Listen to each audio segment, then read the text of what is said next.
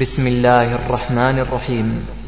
يسرنا أن نقدم لكم هذه المادة والتي هي بعنوان العلم وفضله لفضيلة الشيخ عبد الغفار ابن محمد الضامراني رحمه الله تعالى والتي ألقيت في اليوم الخامس من شهر شوال لعام عشرين وأربعمائة وألف من الهجرة النبوية على صاحبها أفضل الصلاة والتسليم. الموافق للحادي عشر من الشهر الأول لعام ألفين للميلاد. والآن نترككم مع هذه المادة. به ونتوكل عليه.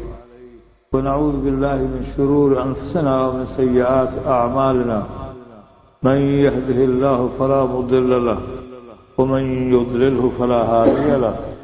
وأشهد أن لا إله إلا الله وحده لا شريك له. وأشهد أن محمدا عبده ورسوله. وصلى الله تعالى على خير خلقه محمد وآله وصحبه وأتباعه أجمعين. أما بعد سبحانه وتعالى لرسوله وقل رب زدني علما. ويقول الرسول صلى الله عليه وسلم خيركم من تعلم القرآن وعلمه. وقال صلى الله عليه وسلم إن الله يرفع بالقرآن أقواما ويضع به آخرين. وقال صلى الله عليه وسلم من يرد الله به خيرا يفقهه في الدين. موضوعنا اليوم هو العلم. وفضيلة العلم وضرورة العلم إن الله سبحانه وتعالى يرفع درجات المؤمنين يرفع عزتهم ودرجتهم في الجنات وفي الدنيا. آه الذين آمنوا يعني الذين آمنوا وعملوا الصالحات. كما قلنا أمس أن الإيمان بدون عمل الصالح ما يفيد لأن أبا طالب كذلك آمن بالرسول وقال دينك خير الأديان البرية دينا فكذلك الكفار اليهود قالوا في القرآن يشهد لذلك يقول الله سبحانه وتعالى عنهم يعرفونه كما يعرفون أبناءهم. فإنهم كانوا يعرفون الرسول صلى الله عليه وسلم بأنه رسول من الله ورسول حق. ولكن لم يلتزموا بما عرفوا ولم يعملوا بما هداهم إليه. فمعنى إن الله يرفع الذين آمنوا آه والذين أوتوا العلم درجات. الذين آمنوا يعني آمنوا وعملوا الصالحات. وكذلك أوتوا والذين أوتوا العلم درجات. الذين أوتوا العلم المراد بالعلم علم القرآن والسنة لا كل العلم. هنا. المراد المراد بالعلم علم القرآن والسنة لا كل العلم. لأن علوم الدنيا وعليكم السلام ورحمة الله وبركاته. لأن علوم الدنيا يفيد أهل الدنيا. والمراد بالعلم في القرآن والسنة هو علم الوحي لا كل علم. وإن كان كل العلم يفيد لأن علم الشيء خير من جهله في كل شيء. علم الشيء آه، خير من جهله ولكن المراد في القرآن والحديث إذا مدح الله سبحانه وتعالى العلماء فالمراد به لا شك آه، القرآن علم القرآن والسنة. ويقول ربي هل يستوي الذين يعلمون والذين لا يعلمون؟ وهذا ظاهر لأن كل من كان عالما في أي شيء فهو أفضل من غيره.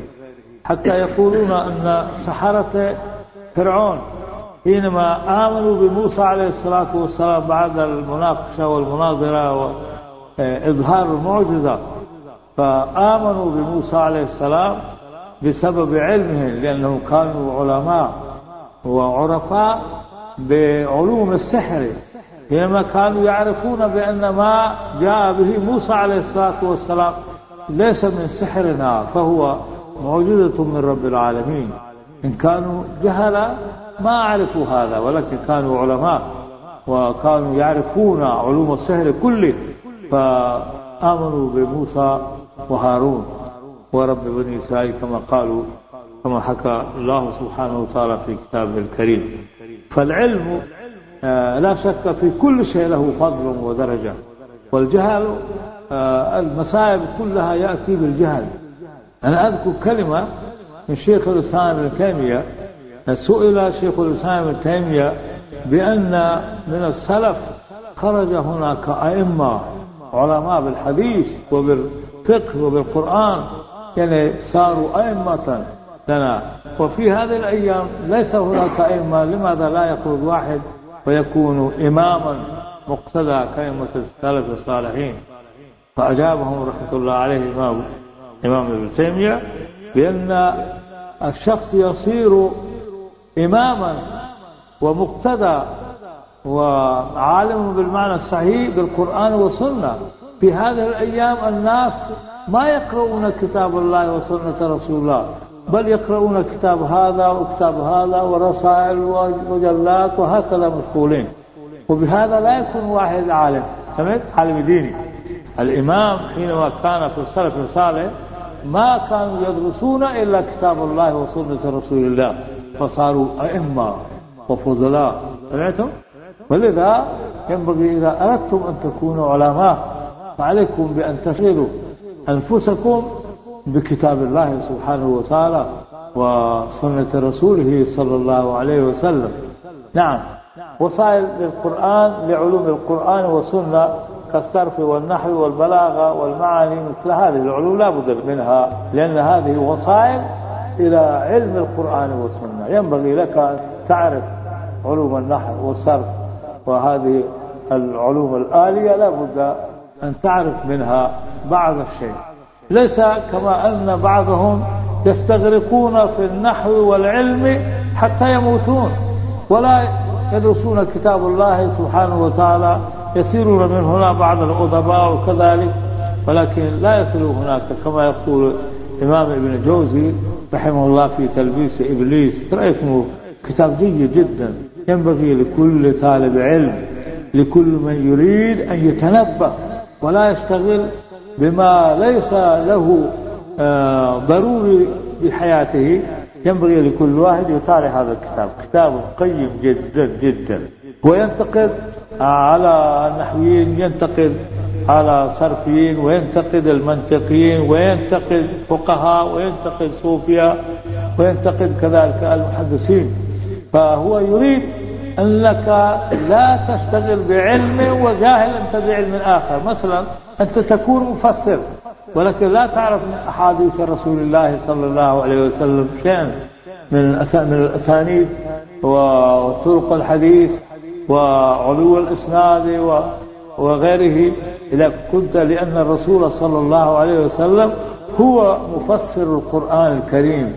لأن ربنا سبحانه وتعالى قال له وأنزلنا إليك الذكر لتبين للناس ما نزل إليهم. إن الله حول آه، علم القرآن إلى رسول الله صلى الله عليه وسلم وأمره بأن يبينه للناس. فكل ما جاء من يعني الأحاديث هو شرح القرآن. أنت آه، تريد تعرف القرآن بدون بدون سنة فما يمكن هذا لأن شارح القرآن الذي آه، ما ينطق عن الهوى إن هو إلا وحي يوحى كما يقول ربنا سبحانه وتعالى يشهد لرسول الله بأنه لا يتكلم في الدين لا ينطق في الدين إلا بما جاءه من الوحي. ما ينطق عن الهوى إن هو إلا وحي يوحى فلذا أمره أن يبين القرآن للناس. سمعتم؟ لذا واحد يريد أن يكون مفسرا بدون علم الحديث فهذا محال أن يعلم روح القرآن ما يمكن. ولذا عليك أن تقرأ كتاب الله سبحانه وتعالى آه، بضوء الأحاديث على طريقة السنة. وعلى طريقة السلف والصحابة رضي الله تعالى عليهم أجمعين. فالذي لا يتعلم أحاديث رسول الله صلى الله عليه وسلم فهذا ما يمكن. فهذا ما يمكن أن يكون عالما بدون أحاديث رسول الله صلى الله عليه وسلم. ولذا أن الرسول صلى الله عليه وسلم أمره رب العالمين بأن يبين كتابه ويشرحه للناس كل شرح. حتى وقال سبحانه وتعالى وما على الرسول إلا البلاغ المبين. وما على الرسول إلا البلاغ بلاغ ما هو بلاغ فقط بل بلاغ المبين هو يفسر ويشرح ويبين كتاب الله سبحانه وتعالى كما ينبغي. لأن الرسول أعلم الناس بالقرآن. ليس هناك أحد كثير من الناس آه، يأتي بآيات في معارضة حديث صحيح. فيقول هذا الحديث معارض لكتاب الله سبحانه وتعالى. ما يمكن هذا. نعم. أننا نحن إن كان بقصور أفهامنا هذا شيء آخر ولكن ما يمكن أن يكون بين القرآن وبين سنة رسول الله معارضة. ما يمكن هذا. خطأ وهذا الفهم خطأ. ما ينبغي هذا. ينبغي أن تبحث بالتوفيق. كما أن العلماء كتبوا كتب في مشكلات الحديث وفي تأويل الأحاديث المختلفة. هناك أحاديث كثيرة آه، كتبوا من أكبر هذه الكتب الذي يأتي برفع التعارض آه، هو كتاب مشكل الآثار لإمام التحاوي من كبار علماء الأحناف ولكن من المحدثين. وفي هذا الكتاب لا يتعصب لمذهبه. كتاب هو مشكل الآثار في أكثر هذا كما نراه إلا أنه إنسان ما نقول أنه معصوم. ولكن في هذا الكتاب لا يتعصب كما يتعصب في معاني الآثار. في شرح معاني الآثار تراه كأنه يعني يميل إلى مذهب أبي حنيفة ويجتهد ليرجح رأيه آه، مهما أمكن له آه، بضوء الأحاديث. لا يعني يتعصب كما ينبغي للجاهل لا. ولكن يميل إلى مذهب أبي حنيفة ويريد أن يرجحه إذا أمكنه. أما في هذا الكتاب في كتاب مشكل الآثار. في هذه الأيام كذلك حققه عالم حنفي آخر يمكن تعرفونه آه، شعيب أرناؤوط. هو كذلك شرحه و أخرج أحاديثه وبين طرقه وتبع طيبة أظن ب 18 مجلد كذلك. كتاب جيد جدا. ينبغي أن يشترى هذا الكتاب آه، لرفع تعارض الأحاديث والآيات. كتاب طيب جدا. ونقول لابد كما قلنا لكم إن الله سبحانه وتعالى آه، انتخب محمد صلى الله عليه وسلم لهداية العالمين. انتخبه انتخبه ربنا سبحانه وتعالى للعالمين جميعا. كما يقول ربنا سبحانه وتعالى وما أرسلناك إلا رحمة للعالمين وما أرسلناك إلا كافة للناس بشيرا ونذيرا ولكن أكثر الناس لا يعلمون. فالرسول ما كتم شيئا وما كل ما كنا نحتاج إليه كان الناس يحتاجون إليه فلا شك أن الرسول صلى الله عليه وسلم بين وأكمل الله سبحانه وتعالى دينه آه، في حياة الرسول صلى الله عليه وسلم. ثم لا يمكن بعده يأتي واحد ويزيد فيه شيء. أو ينقص أو يأتي بالنسخ منه. ما يمكن هذا. لأن محمد صلى الله عليه وسلم خاتم الأنبياء فهو خاتم النبيين. وقال لنا ربنا سبحانه وتعالى اليوم أكملت لكم دينكم وأتممت عليكم نعمتي ورضيت لكم الإسلام دينا فديننا كامل ولكن دين من أين تبحثه؟ كما يقول الرسول صلى الله عليه وسلم خيركم من تعلم القرآن وعلمه. والقرآن شرحه آه، أحاديث رسول الله صلى الله عليه وسلم. فبعض الناس يفهمون من هذا خيركم من تعلم القرآن وعلمه بأن كل من حفظ القرآن هو هو يعني خيرنا. لا شك أن حفظ القرآن آه، هو نعمة عظيمة. هذا لا شك فيه. ولكن الحافظ الذي لا يتعلم معاني القرآن الكريم وما هو داخل في هذا الحديث؟ إن الرسول يقول خيركم من تعلم القرآن. تعلم تعلم علوم القرآن. وعلمه وعلم الناس علوم القرآن. ما قال الرسول خيركم من قرأ القرآن وأقرأه. وحفظ القرآن وأحفظه. ما, ما قال هذا. بل قال خيركم من تعلم القرآن. يعني خيركم الذي هو حصل علوم القرآن. حصل علوم القرآن وعلمه الناس على ضوء أحاديث رسول الله صلى الله عليه وسلم. لأن الرسول كما قلنا أمره ربنا سبحانه وتعالى وقال وانزلنا إليك الذكر لتبين للناس ما نزل إليهم. والرسول ولذا هو أعلم الناس بكتاب الله من كل واحد. كثيرون من الناس يأتون في هذه الأزمان كثير من الناس. هذا لا يجوز أبدا. يأتي حديث من أحاديث رسول الله صلى الله عليه وسلم وهو يرى هذا الحديث ثم لا يأخذه بأن إمامه الذي ينتسب نفسه إليه ما قال هذا هو قال بغير هذا الحديث. يمكن الإمام له عذر. كثيرون من الأئمة رحمة الله عليهم هؤلاء كثير منهم آه، ما بلغهم الأحاديث حينما خالفوا أحاديث رسول الله. مثلا كما آه، هو معروف أن الإمام مالك حينما كتب مؤتى فقال هارون رشيد له نريد أن نجعل كتابك آه، قوانين العالم الإسلامي كله في كل البلاد أنا أكتب نسخة وأرسل في كل البلاد ليحكمون بهذا الكتاب كتاب موطا الذي كتبته أنت يا مالك. فمالك رحمة الله عليه أنكر. قال لا أستطيع أنا أجيزك على هذا. لماذا؟ لا أستطيع هذا لأن أحاديث رسول الله منتشرة في العالم. كثيرون من الصحابة آه، قتلوا هناك في إيران وكثير, وكثير منهم استشهدوا في مصر وفي أفريقيا وفي بلاد مختلفة حينما ذهب الصحابة. وأحاديث هؤلاء الصحابة هنا عند الناس هناك في تلك البلاد. ليس كلها في الحجاز أنا جمعت أحاديث آه التي آه كانت في الحجاز آه اجتهدت وجمعت هذه بعضها وكتبت. ليس كل الأحاديث عندي.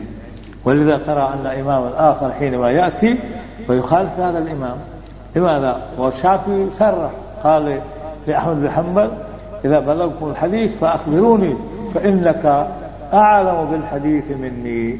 الإمام الشافعي ما الشافعي كذلك في بعض العلوم هو شيخ شيخ الإمام أحمد بن حنبل وصرح بهذا رحمه الله فقال أنتم أعلم بالحديث إذا بلغت حديث وليس عندي فأخبرني به حتى أعمل به. نعم.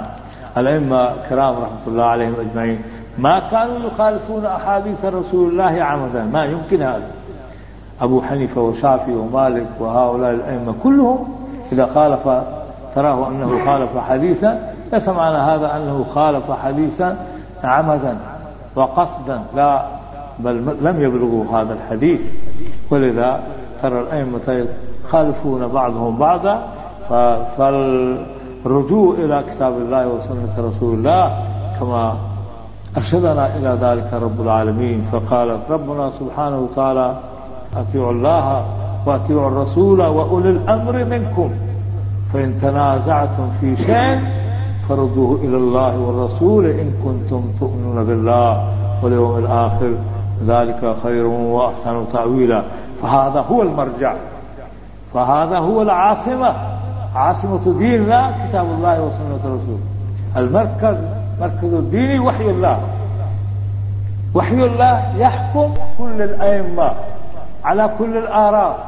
هكذا أرشدنا ربنا سبحانه وتعالى. فقال أطيعوا الله وأطيعوا الرسول وأولي الأمر منكم فإن تنازعتم في شيء في شيء في أي شيء كبير أو صغير إذا كنتم مختلفين في شيء فهل ترجعون إلى إمامكم؟ كل واحد يرجع إلى إمامه الشيعة إلى جعفر الصادق وزيود إلى زيد بن علي وهؤلاء عندنا جماعة القريب عندنا عندكم هؤلاء إباضيين إلى عبد الله بن إباض يرجعون إلى أئمتهم. ليس هذا طريق القرآن وليس هذا طريق الأئمة. أئمة كلهم وصوا بذلك كلهم وصوا. إذا رأيتم قولنا يخالف رسول الله أحاديث رسول الله فاضربوا بقولنا الحائط. حتى أبو حنيفة رحمة الله قال سأله واحد إذا قلت قولا وكتاب الله يخالفه قال خذوا بكتاب الله واتركوا قولي فسألوه وقالوا إذا قلت قولا وسنة رسول الله تخالفه. فقال رحمه الله اتركوا قولي بقول الرسول. ثم سئل إذا قلت قولا وقول صحابي يخالفه. قال اتركوا قولي بقول الصحابة. أبو حنيفة قال هذا. آه ثم سئل إذا قلت قولا وقول تابعي يخالفه. قال هم رجال ونحن رجال. قال أنا رجل يعلم. وهم علماء. تفكروا هناك واجتهدوا. كل من كان قوله أصح فخذوا بقوله. نعم. وصوا هكذا أئمة الكرام. لم يكن هؤلاء ولكن الجهل حتى واحد عالم المشهور الآن آه إمام العصر في باكستان اسمه آه رشيد أحمد. آه رشيد أحمد الوديانوي مفتي إمام عصر. يقولون له أنه إمام عصر هو قرأت في كتابه أحسن الفتاوى المجلد الأول صفحة 209 يقول في هذا أن المبتدع ضلوا بأنهم يستدلون بكتاب الله وسنة رسوله. هكذا يقول. ثم يقول بلغة أوروبية مگر ورنہ مقلد کے لیے قول إمام ہی حجت ہوتا ہے۔ وإلا أن حجة للمقلد هو قول إمامه يقول۔ هو قول إمامه هكذا يقول۔ هذا معروف عندنا بأنه فقيه العصر إمام العصر۔ هذا خطأ منه هذا خطأ منه إن لم يتب بهذا والله هذا في خطر عظيم۔ كيف؟ إن الله سبحانه وتعالى أرسل رسوله ليكون ليكون هدى للعالمين. إنك لتهدي إلى صراط مستقيم. يقول ربنا سبحانه وتعالى لرسوله صلى الله عليه وسلم إنك لتهدي إلى صراط مستقيم. كيف أحاديث الرسول إذا أخذ به واحد من هنا يضل؟ ما يمكن. هذا هذا خطأ كبير.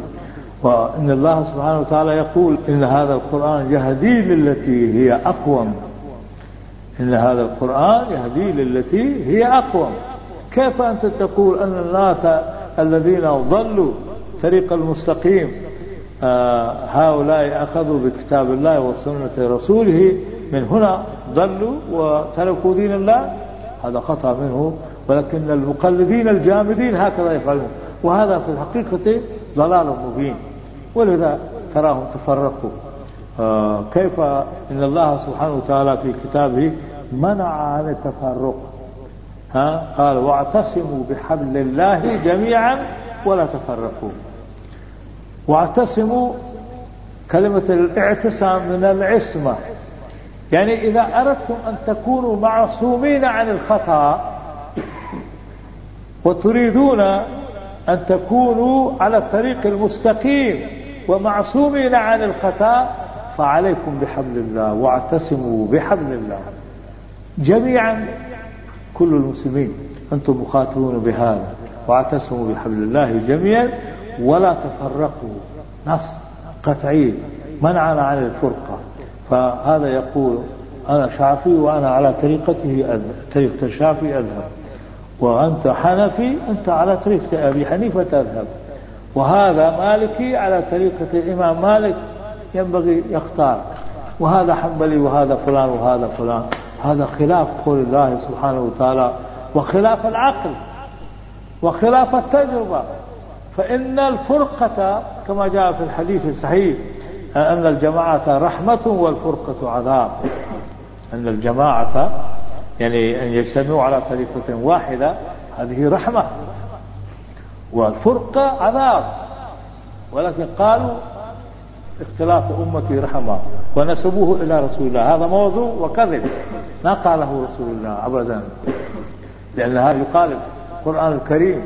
ويخالف أحاديث رسول الله. ويخالف العقل السليم. هل الفرقة للأمة طيب أم اجتماعهم على طريقة واحدة؟ يعني عقل السليم ما يقبل هذا.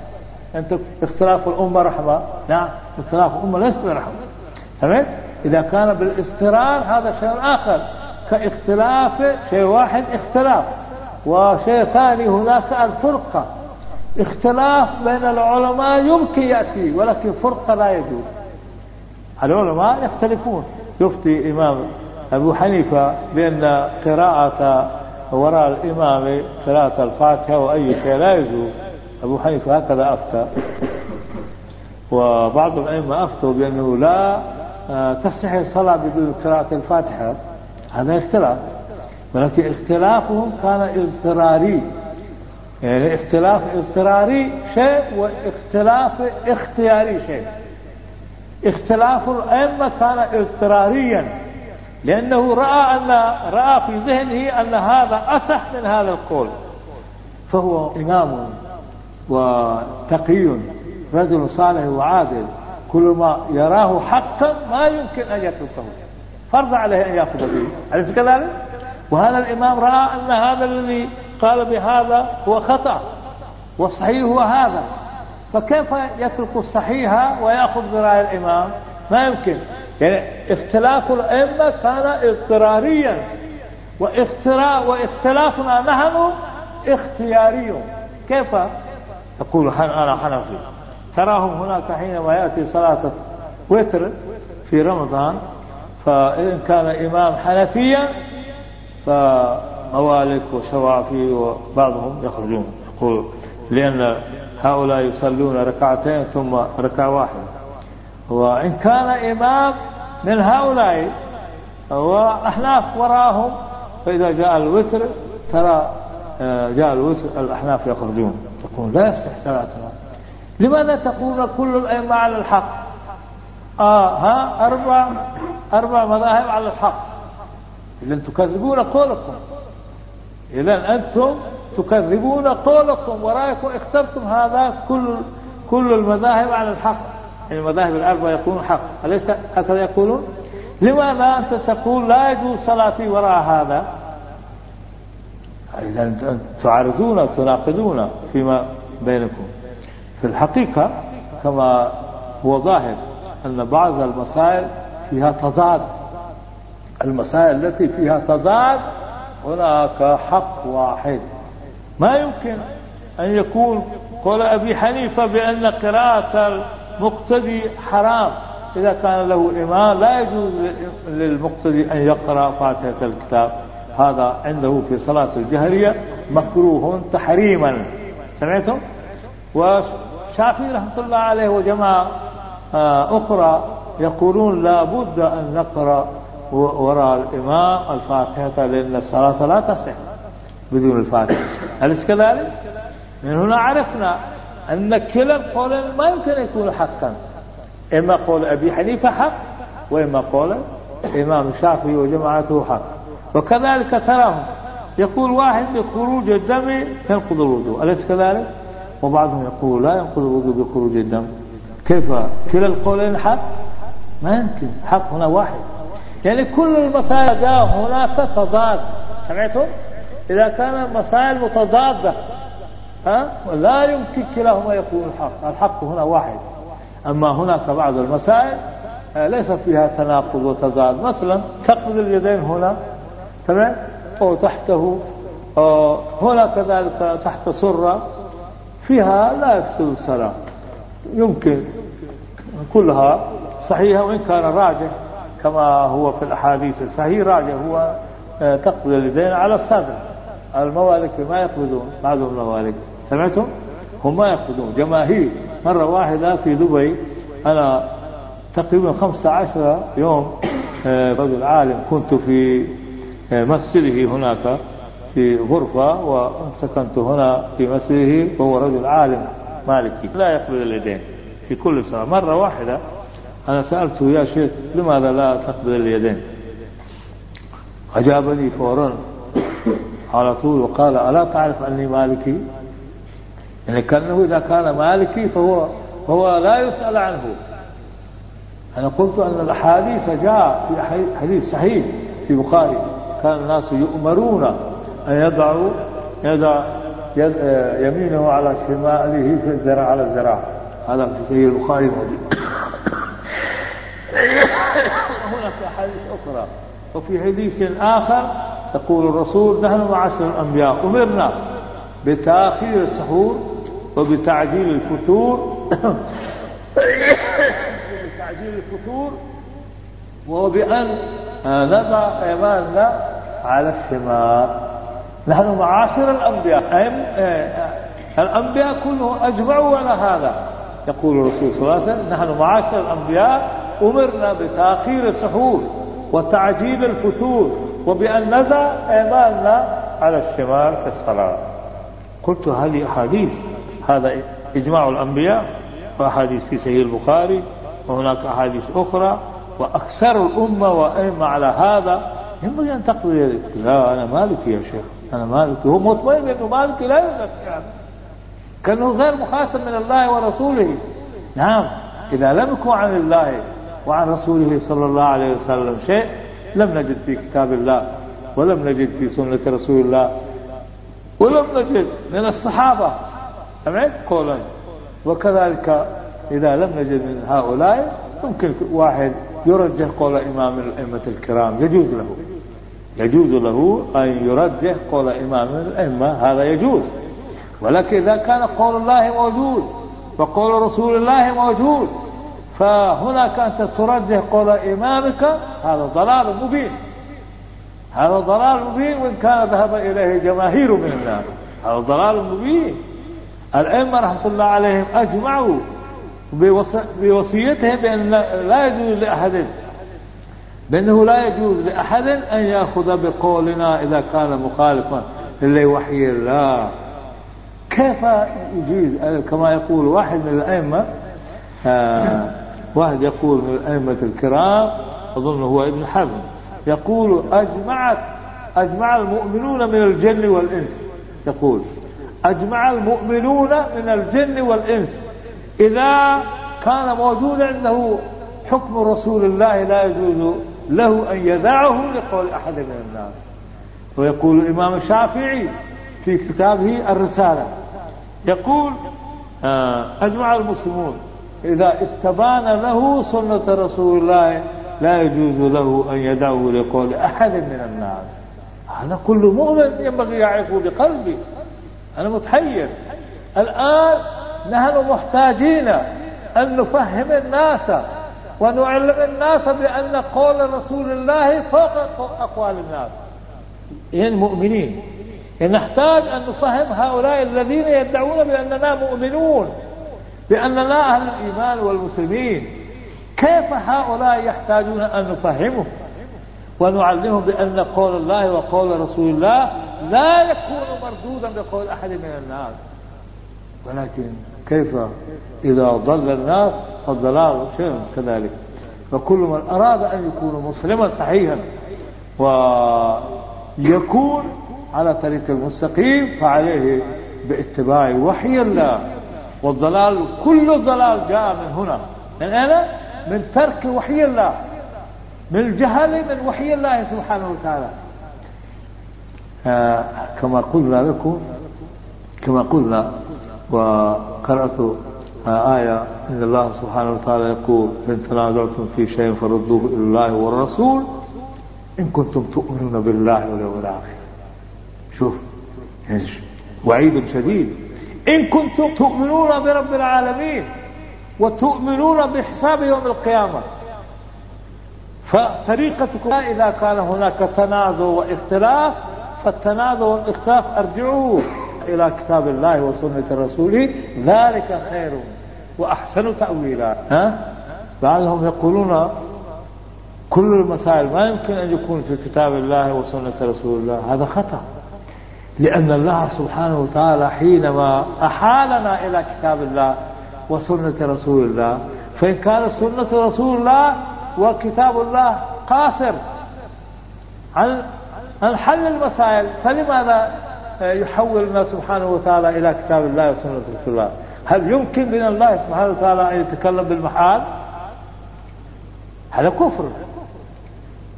هل يمكن إن الله سبحانه وتعالى آه، يتكلم بالمحال ويحيلنا إلى شيء ما يمكن يوجد هناك؟ لا بد كل المسائل إلى يوم القيامة موجودة في كتاب الله وسنة رسول الله. ولكن يحتاج إلى العلم. يحتاج أن تكون تقرأ كتاب الله وسنة رسول الله. أنت ما تقرأ كتاب الله. ولا تتعلم سنة رسول الله. ثم تقول هذا ما وجدناه في كتاب الله ولا سنة رسول الله فتاخذ بقول إمام والله آه، مسائل كلها موجودة. هذا إيماننا بأن الله سبحانه وتعالى حينما أحالنا إلى كتاب الله وسنة رسوله لا بد المسائل كلها إلى يوم القيامة. كل الجزئيات موجودة في كتاب الله وسنة رسوله. ولكن لمن؟ لمن تعلم القرآن وسنة رسول الله. ها؟ هذا هو. يا جماعة إنما كما يقول ربنا سبحانه وتعالى إنما يخشى الله من عباده العلماء. هذا كذلك. العلماء بكتاب الله وسنة رسوله هم الذين يخشون. العالم بكتاب الله وسنة رسوله ما يمكن يترك قول ربه وقول رسوله ويرجع إلى آه، قول أمتين أمتين. تمام؟ يقول ابن حزم في محل آخر وكلنا نحن نؤمن ونعتقد. نعم. ونظن بالأئمة الكرام آه يعني حسنا لا شك أن أئمة الكرام الخطأ شيء آخر. خطأ يخطئون. خطأ لابد من كل واحد يصدر. ولكن لا يتعمدون خلاف رسول الله خلاف كتاب الله حتى خلاف الصحابة ما يريدون. سمعتم؟ إلا إذا كان عندهم دليل من الكتاب والسنة هذا شيء آخر. الأئمة هكذا نعتقد فيهم ولكن الرسول سبحان الذي باتباعه أنت تدخل الجنة تتركه وتأخذ بقول شخص يخطي ويصيب؟ سبحان الله. بقول شخص أنت تؤمن بأنه ما هو معصوم عن الخطأ. وتأخذ وتترك قول الله سبحانه وتعالى وقول رسول الله وكل هذه الضلال وكل هذه البدعات كلها جاء من الجهل بكتاب الله وسنة رسول الله. ولذا يقول رسولنا صلى الله عليه وسلم خيركم من تعلم القرآن وعلمه خيركم من حصل علوم القرآن وعلوم السنة. يا جماعة يا شباب ينبغي لكم أن تطالعوا كتاب ربكم سبحانه وتعالى وترجعوا إلى سنة رسول الله صلى الله عليه وسلم. وعليكم بالعمل بما بما رأيتم فيهما آه، قولا من الله وقول رسول الله صحيحا. من رسول الله إذا كان حديث صحيح غير معارض بمثله وغير منسوخ. سمعت؟ أنا سألت الشيخ ناصر آه، ناصر الدين آه، في منى في زمان ملك خالد. حينما يأتي كان الشيخ ناصر حينما يأتي هناك أعطوه خيمة كبيرة في منى والناس علماء وفضلاء وطلاب وقضاة كانوا يأتون ويسألونه مسائل. أنا كذلك اشتركت في هذا المجلس وسألته وقلت له إذا رأينا حديثا صحيحا. لم يضعفه أحد بل هو صحيح. وليس له معارض كذلك. حديث صحيح. ولم نجد له معارض. ولم يقل أحد بمنسوخيته كذلك. حديث صحيح. غير منسوخ. غير معارض بمثله. ولم يعمل به أحد من الفقهاء. هل هذا الحديث تأخذ به أم لا؟ قلت للشيخ ناصر سألته.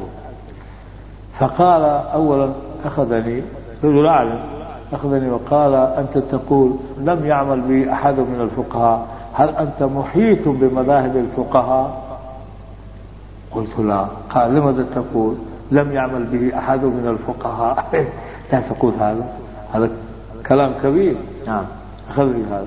فقلت نعم بالفرض والمحال. إذا كان مثل هذا حديث وجد أحد هذا مثل هذا حديثا صحيح ليس له معارض بمثله وليس بمنسوخ ولم يقل به أحد من المحدثين بمنسوخيته ولم يعمل به أحد من الفقهاء. فكيف هل يعمل به؟ قال نعم. آه ثم قرأ آه آية آه، إن الله سبحانه وتعالى يقول إنا نحن نزلنا ذكر وإنا له لحافظون. آه، بأن حديث هذا داخل في الذكر. إنا نحن نزلنا الذكر وإنا له لحافظون. آه، ودليل على هذا بأن الحديث داخل في الذكر. قال إن الله سبحانه وتعالى يقول فاسألوا أهل الذكر إن كنتم لا تعلمون. واتفق المفسرون كلهم بأن المراد من أهل الذكر أهل العلم بالقرآن والسنة. اتفق المفسرون كلهم. بأن المراد بأهل الذكر في هذه الآية فاسألوا أهل الذكر إن كنتم لا تعلمون. المراد بأهل الذكر أهل العلم بالقرآن والسنة. سمعت؟ فالسنة داخلة في, في هذه الآية. وآية أخرى إن الله سبحانه وتعالى يقول ما ينطق عن الهوى إن هو إلا وحي يوحى فحديث رسول الله وحي كما أن القرآن وحي.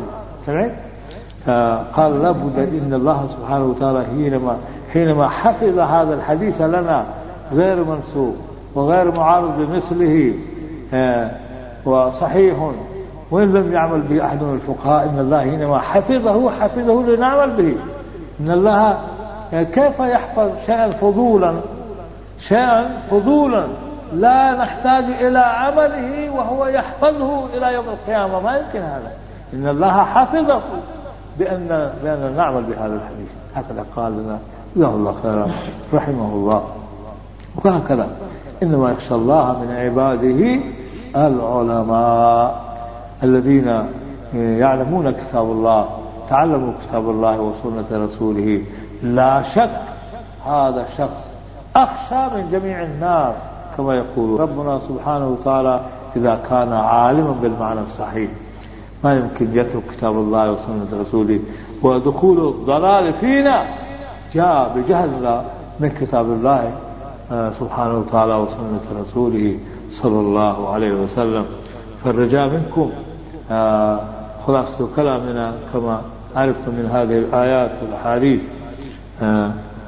علينا أن نقرأ كتاب الله بتدبر وتفهم ونقرأ ونرجع إلى سنة رسول الله تفصيليا حتى نكون علماء بسنة رسول الله الطاهرة السنة الطاهرة سمعتم؟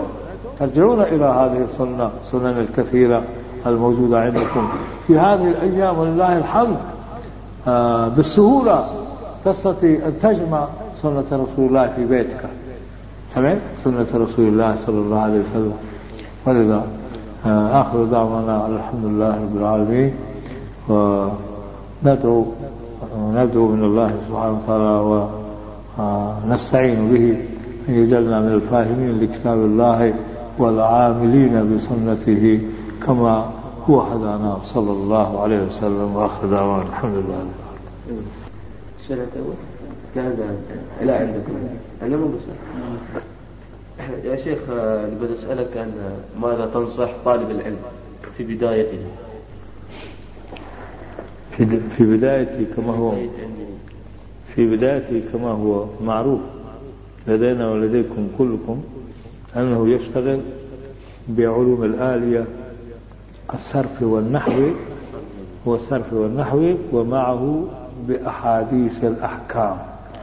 لأن طالب العلم إن أراد أنه يكون يتعلم هذه العلوم الآلية كلها ثم الفقه ثم الحديث وكثير من الطلبة مات قبل ذلك أليس كذلك؟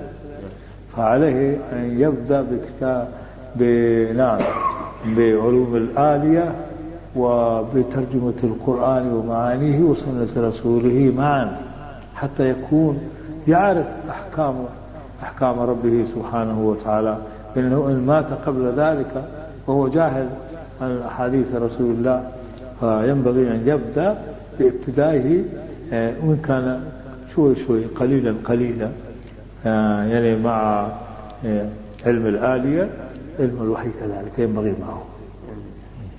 قليلا قليلا.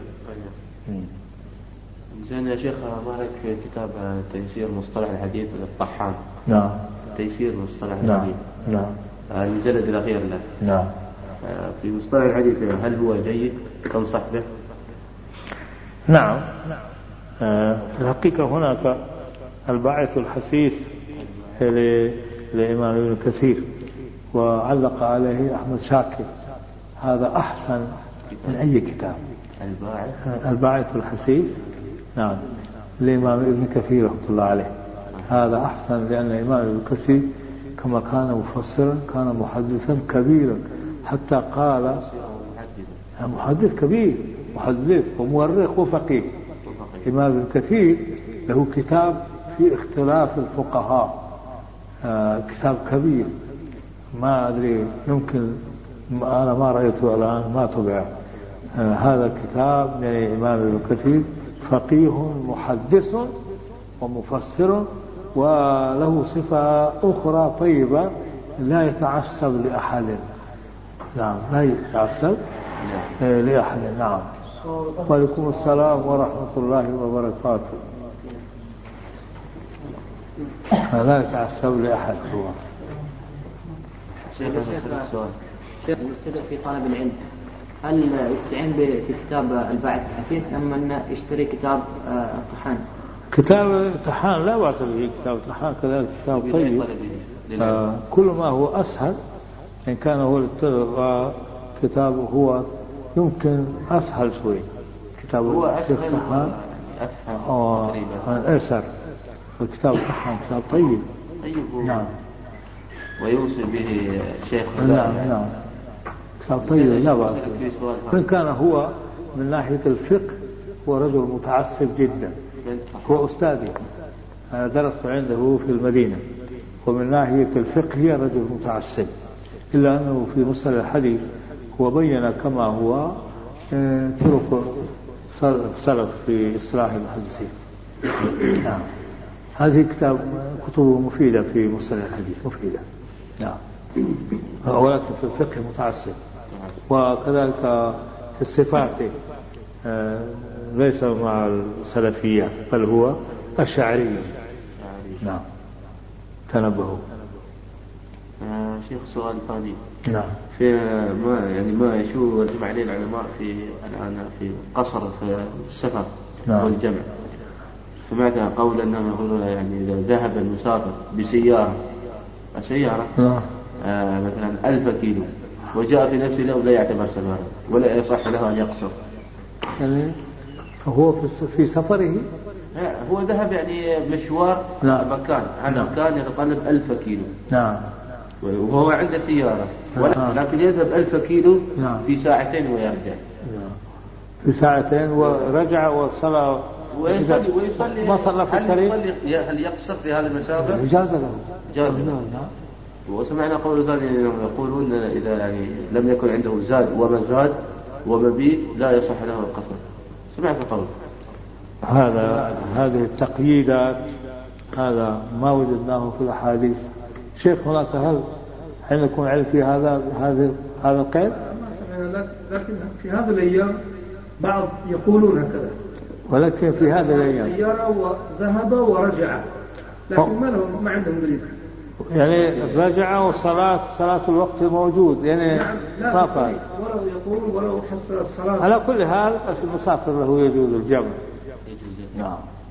والقصر كذلك أما قولك بأنه أجمعوا على القصر آه، والجمع آه، ما أجمعوا. على الجمع ما أجمعوا. الأحناف يخالفون الجمع. في الفقه يا شيخ آه، يقولون يوصون بالسيد سابق في فقه السنة. نعم. بس يقولون وياه معاه كتاب تمام المنة. نعم. للشيخ ناصر. للشيخ ناصر. نعم. فلماذا يوصون بتمام المنة ل- ل- في أحاديث ضعيفة في فقه السنة؟ فيه فيه أحاديث ضعيفة وأقوال كذلك مرجوحة. آه، لا شك أنه آه، تمام منا ينبغي يتعلم. إذا آه، فقه السنة فينبغي أن يكون تمام المنة الذي وجدناه في فقه في فقه السنة. التعليقات المرضية للشيخ ناصر. تعليقات على المرضية. على ها؟ تعليقات الرضية ها، التعليقات الرضية على آه، روضة الندية لنواب سيدي حسن خان. والتعليقات للشيخ ناصر. هذا أحسن آه، في فقه السنة. نعم. هذا ينبغي أن تصالحه نعم. شيخ آه، الذي يريد أن يطلب العلم ولا يجد مشايخ. آه، فكيف يطلب العلم؟ هل آه، بالأشرطة يطلب العلم مثلا يستمع نعم إذا كان مضطر وليس هناك أحد الشريطة للعلماء الكبار يفيد إذا كنت تفهم. آه، الشرطة هذه إذا كان للعلماء الكبار وتفهم صوته. لأنه هو. آه، والعلماء كذلك الناس الآخرين يشهدون بأنه هو صوته. مثل الشيخ ناصر أو الشيخ عسيمي الشيخ عبد العزيز بن باز وعلماء آخرين كذلك علماء طيبين موجودين كثيرين إذا تفهم صوته بأنه صوته سمعت وهو تقرأه وتسمع من شريطة تأخذ منه العلم على ومع ذلك تستطيع أن تصحح هذا إذا كنت هناك في شك إذا وجدت عالما تسأله في هذا ولكن هذا يفيد كثير كثيرا. شريطة مفيد كثيرا جدا. زين يا شيخ آه، فالحين آه، ماذا أجمع في الذهب المحلق؟ سمعنا فتوى الشيخ الألباني يقول آه. لا يجوز وأجمع العلماء أنه يعني الذهب المحلق لا يحرق والله هذا شيخ ناصر أظن آه، ما هو متفرد كليا. له ومعه أبو هريرة سمعت أن أبا هريرة معه.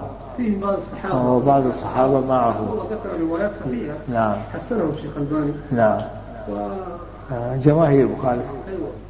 جمهور اما الإجماع ما ما يقال إجماع. أين القول الأرجح يعني؟ الشيخ الباني إذا خالفه لم يقل أنه اجمع الاحتياط هو تركه.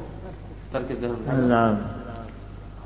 محرم الاحتياط هذا أما آه، من باب الاحتياط ما نقول كليا من باب الاحتياط نعم طيب شيخ طالب العلم مثلا الذي عنده علم قليل نعم هل يدعو إلى الله؟ ها هل يدعو إلى الله أم لا؟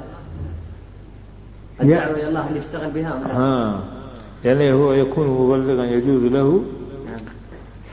إذا كان قليل العلم ولكن لا يتجاوز عما عرفه. إذا كان هو يأتي بتفسيرات وتشريحات ويكون فقيه كل لا. كل ما رأى حديثا وفهم معناه. صحيحا سمعت من كتاب معتمد أو من شريط من رجل عالم وفهمه جيدا يستطيع أن يبلغ ما سمعه بحدوده. لا يكون كالمستنبط ويستنبط ويأتي بالتشريع ويكون فقيها ومفتيا لا يعني على حدوده. بلغوا عني ولو آية على حدود علمية نعم نعم. على حدوده لا يتجاوز. لا يتجاوز. يعني ينبغي لا يتجاوز الحديث. مثلا جاء وعنده علم حديث فقط ترجمه للناس. أما شرحه. نعم. إيه، حسب ما فهمه من ترجمته ويعتمد على نفسه بأني فهمت هذا من شريط عالم أو بتصحيح وفهمه جيدا فله أن يبلغ هذا. ولا يجوز له أن يقول مثلا أن يجزم يعني مثلا في مسألة. مثلا يقول ليس فيه خلاف مثلا هو قرأ حديث وبين ترجمته ثم يقول ليس فيه خلاف وأجمع العلماء على ذلك وكذا وكذا لا. لا يجوز. لأنه ليس إنما يوضح نعم. قول يعني العلماء. يبين. يبين. آه، نعم. بحدوده. ولا يجوز له أن يقول نعم. بقول وهو وهو العلماء قالوا بقول آخر. نعم. طيب يا شيخ الذي يقدر على طلب العلم. ها؟ الذي يقدر على طلب العلم. لكنه لا يطلب العلم. فما فما لأن توجيه له منع الطالب أن يبلغ؟ لا لا. ها. مثلا أحد الناس آه، يقدر على طلب العلم لكنه لا يطلب العلم. هذا مزعج ينبغي آه، أن تطلب العلم. العلم فريضة على كل مسلم. العلم فريضة آه، نعم. هذا يضيع وقته. سمعت؟ هذا لا يجوز. ينبغي إذا كان له إمكان التعلم والتعليم لا بد له أن يتعلم. هل يؤثم؟ هل؟ يؤثم؟ هل نعم لأنه يضيع وقته يضيع عمره كيف لا يأثم؟ يضيع المال إذا ضاع ماله آه، فهو يأثم. إذا ضيع عمره آه، فكيف لا يأثم؟ هذا نعم. ينبغي يتعلم يطالع كذا شو لازم يعني تسأل زيادة؟ استحضر أنا كثير النسيان ولكن استحضر. في سؤال كان في ذهني ولكن غاب. استحضر السؤال يعني. شيخ.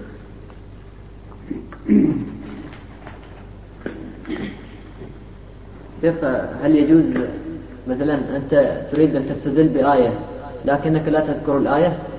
فهل يجوز لك أن تقول بمعنى الآية؟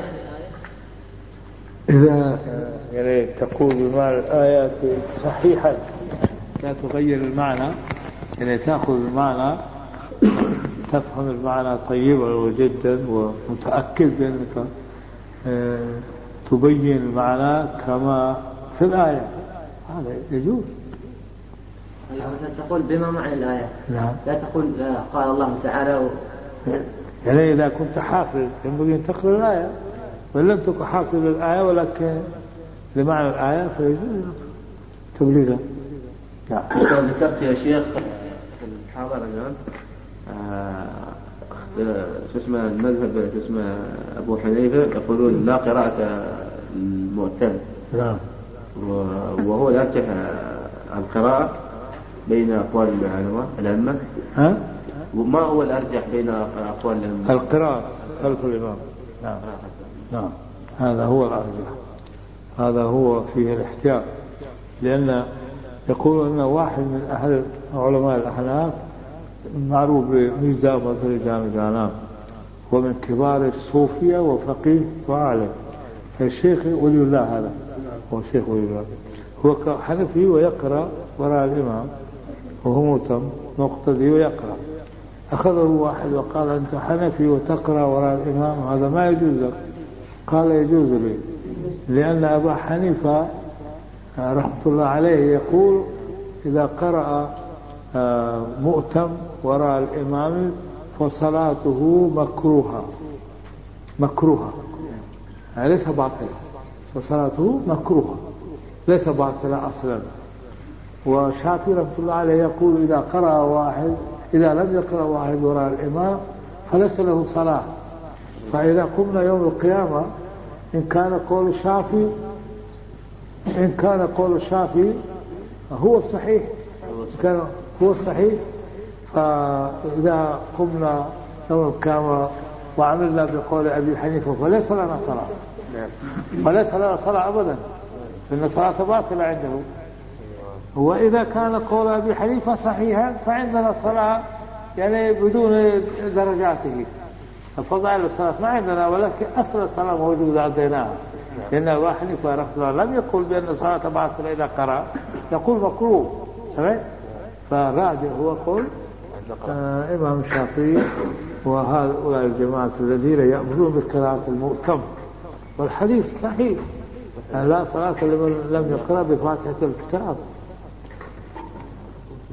زين والثاني هذا حديث نقول قراءة الإمام بالمعتمة قراءة على في معنى. هذا حديث نعم من كان له إمام فقراءة الإمام له قراءة هذا الحديث ليس بصحيح. ليس بصحيح. نعم هذا مرسل. مرسل. نعم إذا كان يعني إذا كان يرجحه فهو لا يزيد عن المرسل. آه، عن المرسل. أما قول لا صلاة لمن يقرأ فاتحة الكتاب. هذا حديث مرفوع صحيح متفق عليه. حديث صحيح متفق عليه بين العلماء. بل هو يقول الإمام البخاري حديث متواتر. متواتر. سواء. نعم، الإمام البخاري يقول متواتر هذا. نكتفي بهذا. نعم